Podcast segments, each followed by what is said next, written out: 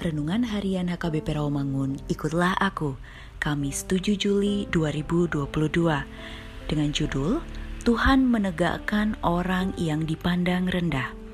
Bacaan kita pada pagi ini tertulis dalam Roma 15 ayat 1 sampai 7 dan bacaan kita pada malam ini tertulis dalam 1 Samuel 9 ayat 1 sampai 14. Dan kebenaran firman yang menjadi ayat renungan kita hari ini ialah 1 Samuel 2 ayat 8 yang berbunyi, Ia menegakkan orang yang hina dari dalam debu dan mengangkat orang yang miskin dari lumpur untuk mendudukkan dia bersama-sama dengan para bangsawan dan membuat dia memiliki kursi kehormatan.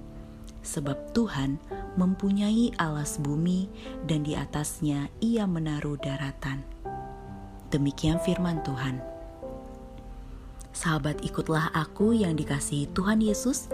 Hana, ibu dari Nabi Samuel merasa hidupnya tertekan karena dia belum memiliki anak, padahal umurnya sudah menua. Dalam tradisi masyarakat mereka, Hana dipandang sebagai perempuan yang tidak berguna, bahkan terkutuk. Kita tidak dapat memungkiri hal seperti itu juga terjadi di sekitar kita, yakni penilaian, penghakiman atau penghormatan berdasarkan harta atau jabatan seseorang. Ketika orang kaya dan pejabat dihormati, sementara orang miskin dan orang biasa diremehkan, bahkan terkadang dipersulit. Namun, firman Tuhan menyatakan dengan pasti, "Ia menegakkan yang hina dari debu dan mengangkat orang miskin dari lumpur." Untuk mendudukkan dia bersama dengan para bangsawan. Itu pasti karena Tuhan yang berfirman, sebagaimana Hana yang kandungnya dinyatakan ditutup oleh Tuhan. Itu pun terbuka dan berbuah ketika ia memohon.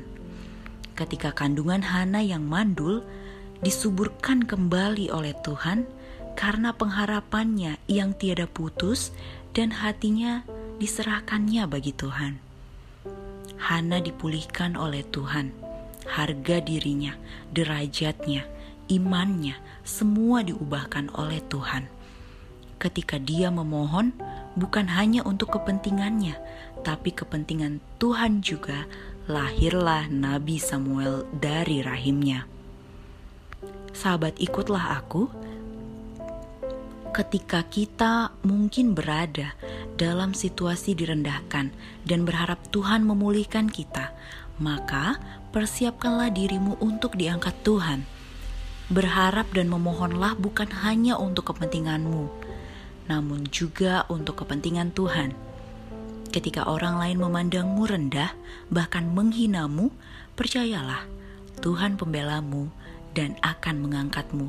Tetaplah berharap padanya. Amin. Mari kita berdoa.